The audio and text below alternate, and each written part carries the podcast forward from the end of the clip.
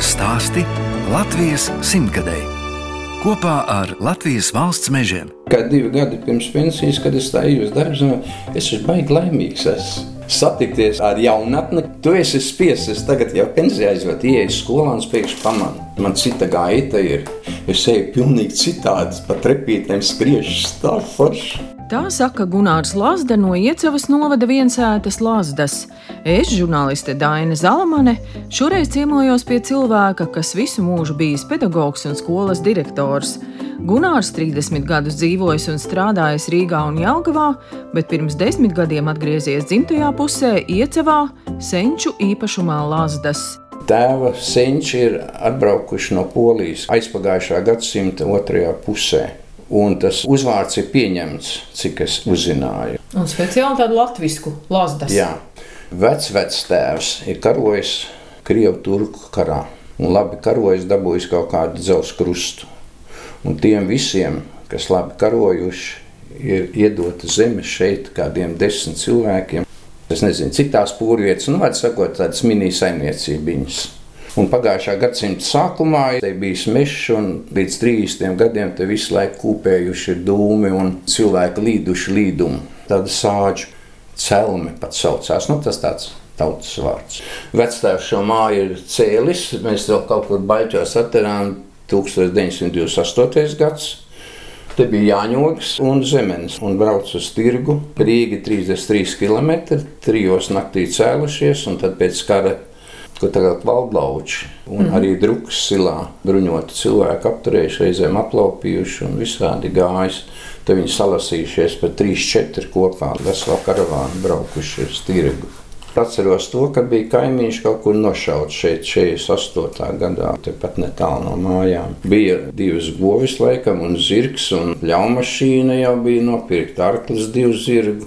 Un, kad bija sūtīšana, vecāki bija palikuši, jo viņiem nebija algots darba spēks. Visi, kur bija algojuši darba spēku, tad tos aizveda. Un tad sāka kolhoz dibināt vecāki. Un man bija brālis, seši gadu vecāks, un beigām prom, lai nenomirtu badā. Kolhoz maksāja laikam 20 kopēkas darba dienā, ja kukulīts maksāja 20 centīmus. Nu, tie gadi bija drausmīgi. 49. gadā viss tika atņemts. Šķūns bija valstī, pusdāts tas būs valstī, un te nāca lasīt ogas. Tā kā tu neesi saimnieks savā mājā, arī šī mājā pēdējā istabā bija kaut kādi īrnieki, ielika vienalga traktoristi, kam nebija kur dzīvot. Bija maizes krāsnes, paši cepa maizi. Es atceros iecavā. Tas bija jau 50. gads, 49. Piecos Visi četri cēlāmies augšā, brālis, mamma un visi jau katram deva vienu kukulīti. Ja tu aizies astoņos, tad tu to maizi to nedabūtu. Un tā maize bija skābis, raudājis, nē. Un skolā arī tēvs strādāja par saimniecības daļas vadītāju. Zāģiem alkots ir iecauts sarkanā skola. Naktī trijos jākurina, tur griezti bija 3,5 metri. Tur, kur mēs dzīvojām, bija krāsnes podiņi, kur ir čūkst pieliec un šš. Un istabā ir augsts sala kājas. Smagi gadi bija. Ar tavām mantām darbojās citi, un viss ir mūsu, un nekas man nepieder. Tas sēž tos tā kā garantēta apmaksa bija. Tēvs mākslīgu apsēklošanu beidz atnākt dzīvot šeit, jo vecais tēvs nomira un atstāt mājas kolhozam tā kā negribējās. Un 60. gadā pārnācām atpakaļ. Un skola man atmiņā ir tikai kā viens arī murgs. 50. gadā sagatavošanas klasē, kā tevi sauc, Gunārs Lazda. Kas ir Staļins? Tas bija nākošais jautājums. Nu, Staļins ir vadonis. Nē, Staļins ir mūsu tēvs un skolotājs. Tagad visa klase atkārtojam. Skolotāji bija tā iebaidīti, un katru dienu bija kaut kas jāiemācās no galvas. Kas ir teikuma priekšmets? Pirmā klasē no jaungara krievu valodu mācījāmies. Pirmais vārds bija Učīteļnīca. Es nevarēju izrunāt viņu. Un skolā nepatika? Nu, šausmīgi nepatika. Viss kaut kas jāmācās no galvas, un man bija grūti iemācīties. Beidzās mācības ar pieciem, sešiem, rudenī jau. Katram, kas nebija kaut ko iemācījies, jāpliek pēc stundām. Un tad nosēdi raudādams līdz pusdienas septiņiem, kamēr tu iemācies. Tad es eju mājā un gar kapiem deg kaut kur svecīts vai pūcis vai gaudo vilki. Es sēžu tur pie iecaules slimnīcas, raudādams un gaidu, ka kāds cilvēks nāks. Vienreiz kaut kur ap pusdeviņiem mamma nāca, kaut kur atrada mani. Man vēl brīlis bija tajā laikā, un es brīļainais. Vispār es ienīdu skolotājus, ienīdu visus zvejniekus līdz 20 gadiem. Un tā, kad es izlasīju Imants Ziedoņa motociklus, es iemīlējos dzējā. Imants Ziedoņa dievinu vienkārši. Beidzot pamatskolu, Gunārs, protams, nesapņoja kļūt par skolotāju. Viņš pabeidza celtniecības tehnikumu Rīgā, bet darba gaitā saskārās ar padomu laiku problēmu - pierakstījumiem. Man nozīmēja limbažiem vēl strādāt uz trīs gadiem obligāti. Tas arī bija viens murgs. Tā laikā nākts cīņa ar pierakstījumiem. Es biju darbvadītājs. Tur taisa darbu uzdevumu un pieraksta, ka viņš ir pārnesis ķieģeļus 20 metrus Pēc tam nāk kontrole un saka, kāpēc jūs nepievedāt tuvāk tos ķieģeļus. Un izrādās, viņš ir pārnesis pusotru tonu, tad jūs esat pustonu pārnestas ķieģeļus pierakstījuši. Un tā pieredze nav, un tu jūti, ka tu esi pārtērējis jau 20 kubikmetrus granti, tātad tu esi kādam pārdevis, un nāk OBH. Es toreiz biju, un sastāda aktu un ir tiesa, un darba vadītājs sēdēja cietumā par pierakstījumiem valsts mantas izšķērdēšanu.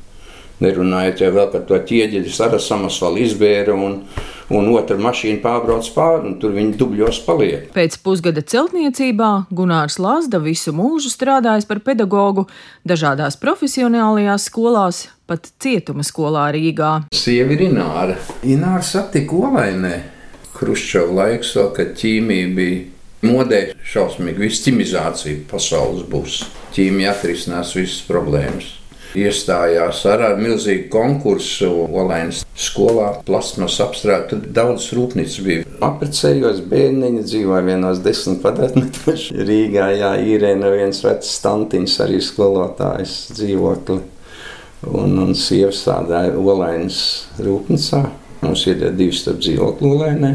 Pēc tam iedeva dzīvokli Jālgavā. Gunārs Lazda strādājis Jālgavā, sanatorijas internāta skolā bērniem ar kustību traucējumiem, bijis arī Jālgavas profesionāla tehniskās vidusskolas direktors. Tagad ir tehnikums, tagad ir vērts ieiet, tas ir viss Eiropas mērogas, tur bijusi salidojumu un bijusī man darbiniece tagad ir direktors. Viņa pieņēma laikam 19 gadu kā grāmatvedi, viņa nekā nezināja. Beigās par meistaru strādāja, tagad ir direktors skola strādāja četri vai pieci gadi, un es biju septītais direktors. Tad, tad bija iemācījušies direktors novākt, ja ne, tu nedaries tā kā kolektīvs grib.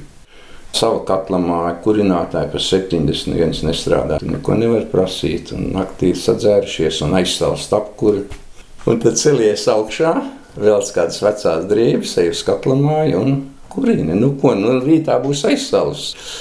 Tad, būdams direktors, jā, arī būdams direktors, mierīgi ceļos, jau, jau teicu, nu, priekš man to vajag. Nu, kāpēc es biju septītais direktors? Tāpēc, kad noņemt direktoru bija ļoti vienkārši. Piezvana, kad no rīta ēdnecā ir remdens ūdens. Lai mazgātu trauks, ir jābūt, teiksim, nu, sež, es nezinu, cik, bet viens ir piesnīgs, sanepīts stacija, atnāk komisija, šodien mēs pārbaudīsim to, to, to. Jums nav ūdens, mēs slēdzam ēdnīcu ciet, kur pusdienas ēdīs, tā nav mūsu darīšana. Drausmīgi izskatīt partijas birojā. Vai ir cienīgi, kad skolas direktors iet eh, oktobra parādē ar tādu cepuri? Nu, tā būtu buržāzijas palieka. Jā, tas angļu katliņš vai kas bija tādām. Vai tad, vai tad tiešām nevar nopirkt kārtīgi cepuri? Mums ir kauns ar Pižiku vajadzēja. Pa paha vēl toreiz. Un tad bija jābrauc arī kā audzinātājiem viss vecāki par mājas apstākļiem jāuzraksta, kā viņi tur dzīvo. Es kādreiz uzskatīju, ka pēc 50 gadiem skolā nevajadzētu strādāt. Un pats nostrādājot līdz cik? 66. Lai strādātu ar skolniekiem, šodien es no savu viedokļu uzskatu, ir ļoti bīstami. Tu brauc ekskursijā un viņi paņem polšu līdzi, vai smēķē aiz stūra. Tu to redzi, kā tev rīkoties, iet uz konfliktu, neiet uz konfliktu. Un, ja vēl tā ir divdienu ekskursija, tad ir Somija pirts vai kaut kur nakšņošana un alkohols neizbēgami. Ja tu piemiedz acis, noteikti atradīsies kāda mamma, kas piezīmēs, ka tur dzeršana bija, un tev no darba jāaiziet. Ir. Un vecākos arī apsaukā. Nu, ir vecāka kundze, pūderkasti, visi ir gājās pa viņu. Un arī tāds moments bija, deviņos jāiet gulēt, bērns skatās televizoru viens 5. un 6. klases. Spēlē sunīša meitene, aizskrien uz mācību korpusu, un tas lec pa trepēm pāri un muguru maipiņā pa trepēm, blub, blub, blub, pa betonu. kādas komisijas bija, kāpēc trepas slidenis, kāpēc bērns atradās tur, kur bija skolotāji. Atnāca mamma, un viņa teica, es atvedu vecalu bērnu. Viņš šodien ir invalīds, kas man dos noiz. Dzērāja viņa, nekur nestrādā, bet sita kulēku uz galda. Direktors laikam iedeva vienu desmitnieku vai kolēģi viņai no zālē vai ko. Pagāja nedēļa, viņa nodzērusi to. Viņa saka, nāc, jūs dodiet naudu, es jūs tiesā iesūdzēšu. Tā kā skolotājiem nav vienkārši būt. Skolotājiem jābūt harizmai, tev jāsavāc ir 30 cilvēki, un viņiem jābūt klusi un jāklausās. Ja klasē disciplīna nav, sekums nebūs. Psiholoģiski jābūt, viņam ir runas kultūra, jā, viņai ir arī zināšana jābūt. Nu, nevar būt, ka tu neesi bijis Eģiptē un 4. klases bērns saka, ziniet, kā Eģiptē tur viņa māca kaut ko citu. Un jums ir pociņa telefons skolotāji, ko te jūs šitādi? Tev netur par cilvēku vispār. Nav īstie džins ar caurumiem.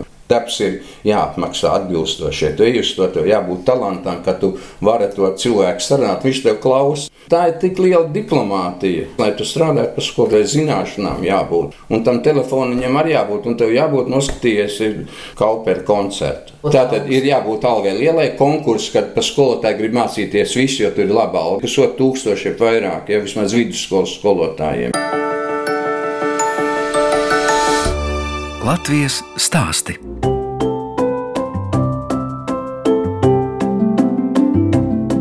Jūs klausāties raidījuma Latvijas stāsti Latvijas simtgadēji. Šoreiz ciemojos Iecavas novada Lazdās pie pensionēta pedagoga Gunāra Lazdas. Viņš pirms desmit gadiem pēc darba gadiem Rīgā un Jelgavā atgriezies senču īpašumā, kur dzīvo kopā ar meitas ģimeni un trīs mazdēliem. Ļoti daudz cilvēku, kas atgriežas rīznieki, bijuši un nopirkuši šeit īpašumu un dzīvo šeit pilsētā, nomācoši pensijā. Tu esi mūros krātiņā.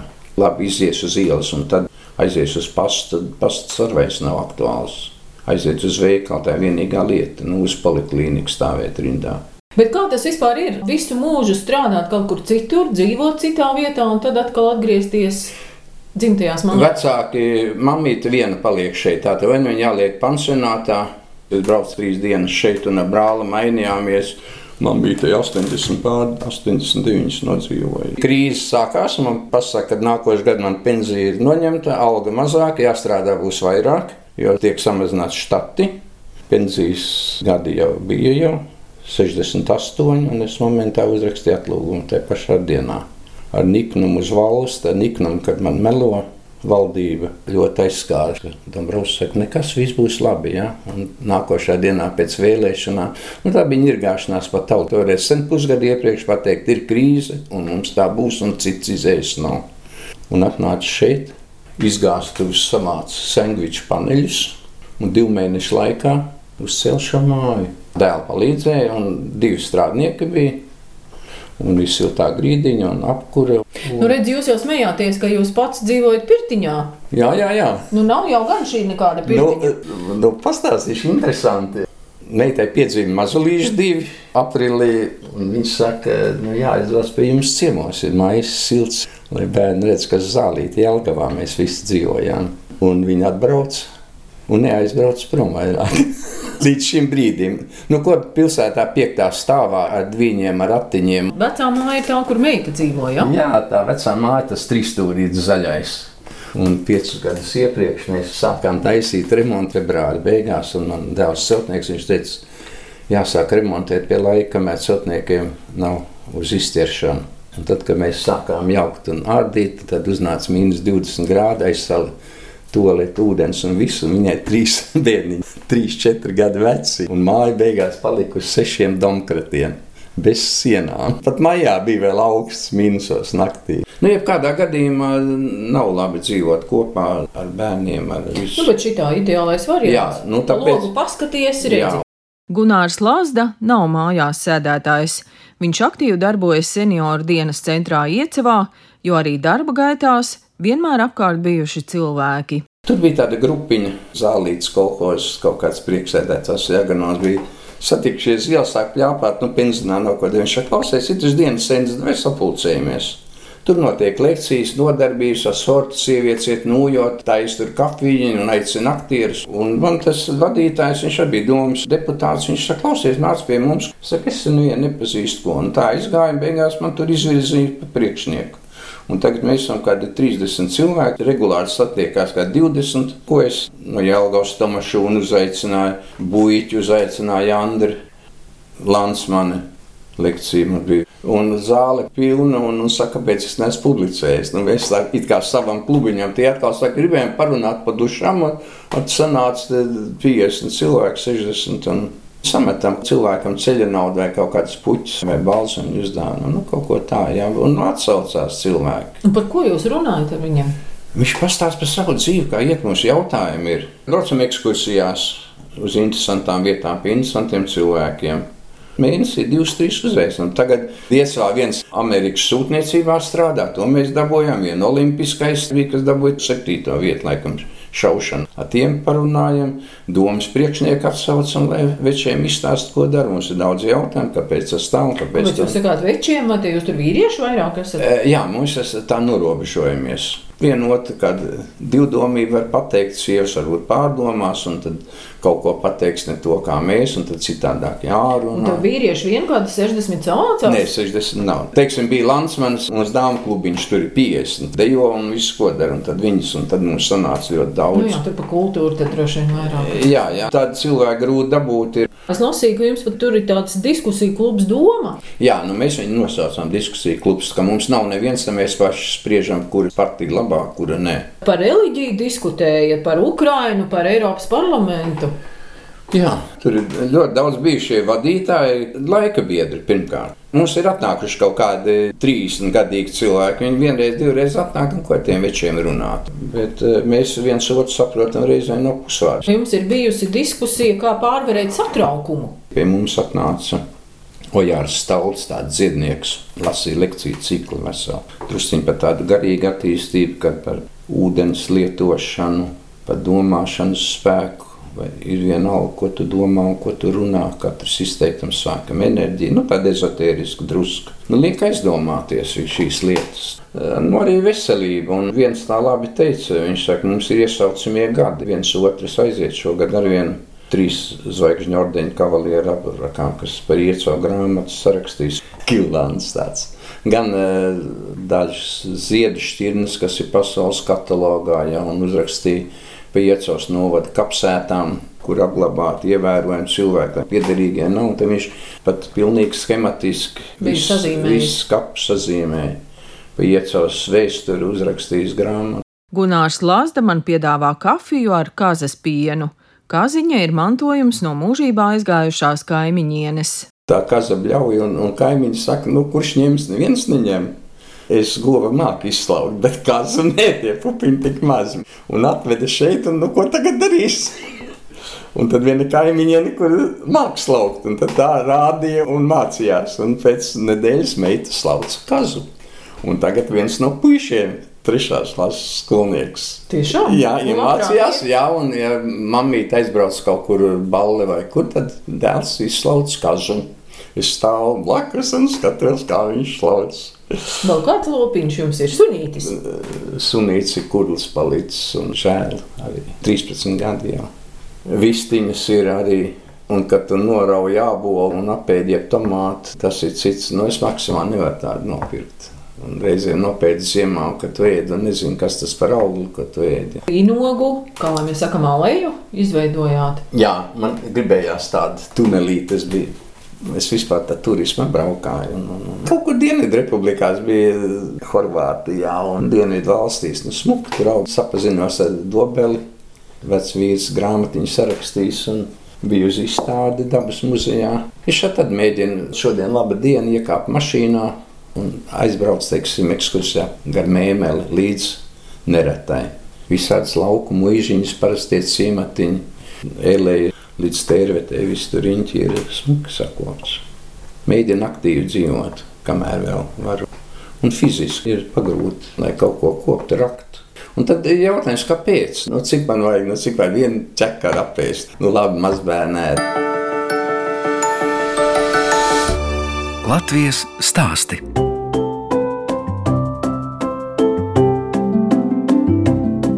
Skan redzējums Latvijas stāsta Latvijas simtgadēji.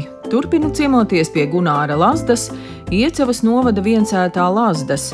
Viņš kopā ar sievu Ināru izaudzinājis trīs bērnus, divus dēlus un meitu, un sagaidījuši deviņus mazbērnus. Meita Dārsa ar saviem trīs dēliem dzīvo Lazdu vecajā mājā, kas izremontēta un paplašināta. Dārsa ir divas izglītības, gan ekonomists, gan pārtiks tehnologs. Dārsa strādā par māti. Tad Dārsa arī audzē tomātus, gurķus. Jā, Dārsa vīrs ir datorīts. Tie ir īpatnēji cilvēki. Vairums naktī strādā, tad, kad uh, nestrādā iestādes, lai varētu remontēt vai kaut kas sabojājies. Nu, redz, reku viens mazdēliņš atbrauca, ja? Jā. Tas ir Ēriks.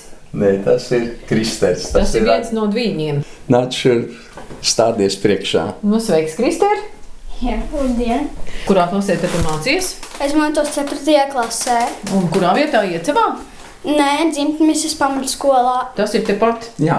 Un jums tā skola nebija tur arī tāda īpaša ar zaļo karogu? Ir, ir. Ir ar zaļo karogu ekoskola. Mums ir īpaši projekti, kurā ir jāpiedalās visai skolai. Talkās jāsavāc apkārtnē un jāgrāb lapas skolas apkārtnē. Un to tev patīk darīt? Ne īpaši. Vēs tētiņš teica, ka mamma kaut kur aizbraucot, tad arī tu slauc kaziņu. Jā, Un kā tad ir kazu slaukt? Grūti, viegli? nu, diezgan grūti, bet iemācīties var. Un tev kazas piens arī garšo? Nē, Negaršo? Nepatīk vispār pieni. Tavs vecētiņš ilgus gadus nostrādājis par skolotāju. Viņš tev arī māca kaut ko. Lasīt mācīja, kad man četri gadi un, un kristīgo ētiku nedaudz pamācīja. 90. gados es meklēju patiesību. Izgāju visas konfesijas, baptistus, adventistus, vienīgi ebreju sinagogā nesu iedziļinājies. Un tev tiešām tādas lietas interesē tavā vecumā, 4. Ne, ne klasē. visai, lai viņš zinātu, kas ir Bībelē rakstīts apmēram. Tur ir ētikas baušļi. Ir. Nedara otram, ko tu negribi, lai tev dara. Mīlēt dabu, kas dara pāri mazākiem, tas dara pāri visumam, ja dievam un sāc, ko grib. Man liekas, viņam pareizi uztver ir. Vai tev vecētiņš ir autoritāte? Vairs nav. Jā, savā ziņā. Tu ieklausies tajā, ko viņš tev stāsta. Jā, paklausos un pamācos no viņa. Nu, izstāsti, kā tev vispār patīk dzīvot laukos. Laukos ir baigi forši. Daudz kur var iet. Ir daudz ko darīt, piemēram, la- laukums, kur futbolu uzspēlēt. Ne jau tā kā pilsētā tur jāiet kaut kur uz stadionu. Nu, jā, tev ir divi brālis, tajā jūs droši vien paši arī kopā taču varat daudz ko darīt. Ko tev jums patīk darīt kopā? Mums patīk braukāties ar riteņiem un spēlēt futbolu. Mēs uztaisījām pašu savu loku un būtus. Un vēl mēs uztaisījām urbi paši savu. Uz centra beidzas spēka kaut kā. Jā, kungs. Un kur tu to apskatījies? Ideja. Es, es internetā apskatījos. Man ļoti patika, un viņi bija viegli uztaisīti, un tad es apņēmos uztaisīt. Un tad datorā arī tu bieži skaties. Jā, es skatos daudz pa internetu kaut kādas lietas. Nu, ja tēti Es nezinu, datorītis, tad jau tīri tu- ģenētiski es, es visu laiku mēģinu salīdzināt. Tie bērni ir it kā katrs no savas planētas. Viens ir pārmērīgi kārtīgs, viens ir strādīgs, kurš nevar bez darba iztikt. Un šis ir tāds inteliģents. Viņš nemeklē spēles tik daudz, meklē visādas brīnumus, ko uztaisīt, pat cik laukos ir koku materiāli. Nu, viss, ko var darīt. Kā tas ir forši, ka vecētiņš dzīvo tepat tūmā, var atskriet, ka vajag. Jā, ir forši. Vecmā viņa varbūt kaut ko garšīgu uzcep, Jā, viņa vienmēr cep kaut ko. Kas viņai sanāk tā labi. Ļoti labi kartupeļi un kaut kāda putra. Tagad jums ir jāstāsta par tiem dēliem. Kā tie dēli jums abi divi ir celtnieki? Viens gribēja iet pa pavāru, teica, nāciet, mums vajadzīgi puiši, un viņš nolika eksāmenu nedaudz virs vidējā un netika iekšā. Jo izrādījās, pieteikušies bija tik daudz, un arī zēni, ko tālāk. Viņš teica, ne pa celtnieku. Jā, nu, es gāju. Tad pašā skolā bija pat audzinātājs, kas man bija audzinātājs. Tas viņiem vadīja deju kolektīvu tajā laikā. Pēc tam vispār ļoti interesanti, kad es iegāju tajā tehnikumā un tagad mācās bērni. Un otrs arī, nu, pat cik tas ir, ar vienu vilcienu brauc vienā tehnikā, arī aizgāju uz celtniekiem. Kādos objektos tad dēls strādā? Mājas ceļu, veikalu ceļu un arī dzīvonamā bija tagad vecrīgā rūpniecības objekts, kaut kādas atjauno balderājas, to finieru rūpnīcu jauca daļu nost un atkal lika jaunas lietas. Un dēli Trīs dzīvo. Viens dzīvo Codē, un otrs Mārupē.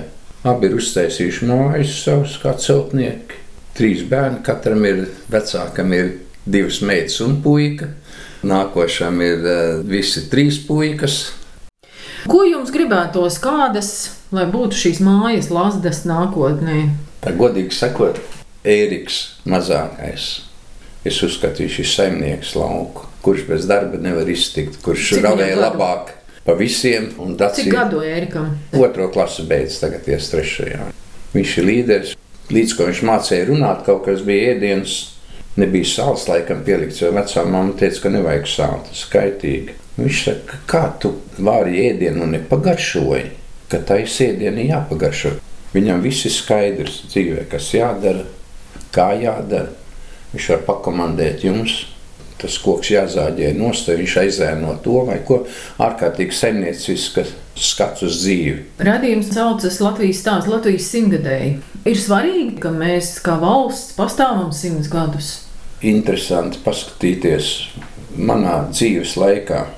Es esmu kulšanas talkās piedalījies ar dampis, braucis te ir ar kuļmašīnu velku un līni plūkt, ir mārkos likt. Es atceros to smaku, ka tas līni mārkos tur pūst ar rokām bietas, rautas un Šodien visu to bērnu nezinu, es zirgu māku iejūgt. Kādreiz teicu, es būšu jātnieks, tā kā pasauli mainīsies tik milzīgi. Man mamīte kā strādāja visu roku darbs tikai ar kaplīti un kolhozā un piecos celies un slauc gotiņu un tā jaunā paudze auga citu domāšanu. Meitai Dacei vēl tagad bērniem iedeva viņas lēli, tad viņa glabāta ir 30 gadus. Nu, viņa bija nolikta kā suvenīrs mājā. Šodien, eh, jebkura rotaļlieta nopērts, bērns apgūst eh, trīs dienu laikā, un tai mantai vairs nav vērtība, viņš viņu izmet ārā. Un arī tās mantas ir šodien tādas, ka nu, viņas ir vienreizējai lietošanai, ķīniešu preces un viss. Tā kā tas maina visu attieksmi pret mantām. Mašīna vai dieviņās tas taču bija kaut kas. Nu, šodien mašīna ir no piecus gadus jāpērk jauna, ja tev līdzekļi tur pēc ir divas mašīnas, mums ir divas mašīnas mājā. Meitai ir savas lietas, viņa ved bērnu pie ārsta, man ir jābūt uz dienas centru, ja es gribu šodien aizbraukt. Tā kā tā ir neatkarība. Skolā strādājot, es paņēmu ik pa pieciem gadiem jaunu klasi, un tie ir pilnīgi citi cilvēki ar citu domāšanu, arī mani mazbērni. Es pilnīgi jūtu, ka es varu tikai traucēt viņu attīstībai ar savām gudriem stāstiem pasaule milzīgi mainās, un to, kad mēs dzīvojam paradīzē, mēs neapzināmies. Kad tu redz Austrālijas tūkstošus, simtiem kilometru un brauc nedēļu, un tu esi visu laiku tūkstnesī. Un rakstīts, nākošais benzīna tanks pēc 320 km. Un uh, tie paši, kas brauc no īrijas vai kur tur arī zaļa zeme, viņš saka, ka tas izkāpa Rīgas lidostā. Tā smarža ir ne ar ko nesalīdzināma. Tā ir Latvijas smarža jūra, ezeri, kalni, viss kas. Es ļoti mīlu Latviju, un tur balss ezerās. Silti vēji priežu sīlus glāstā, Binte sīlos viršos rāmis nāk.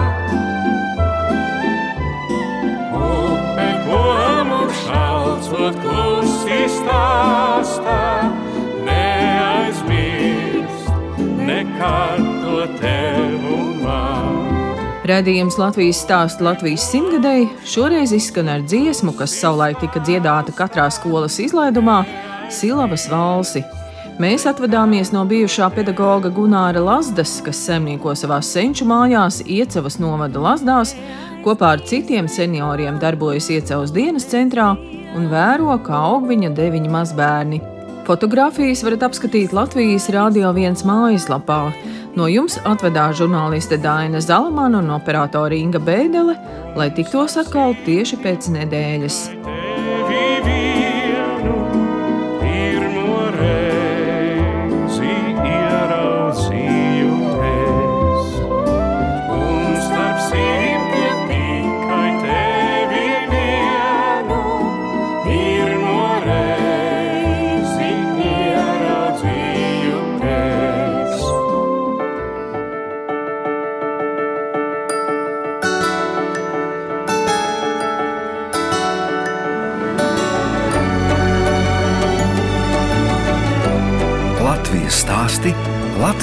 Simtgadēji.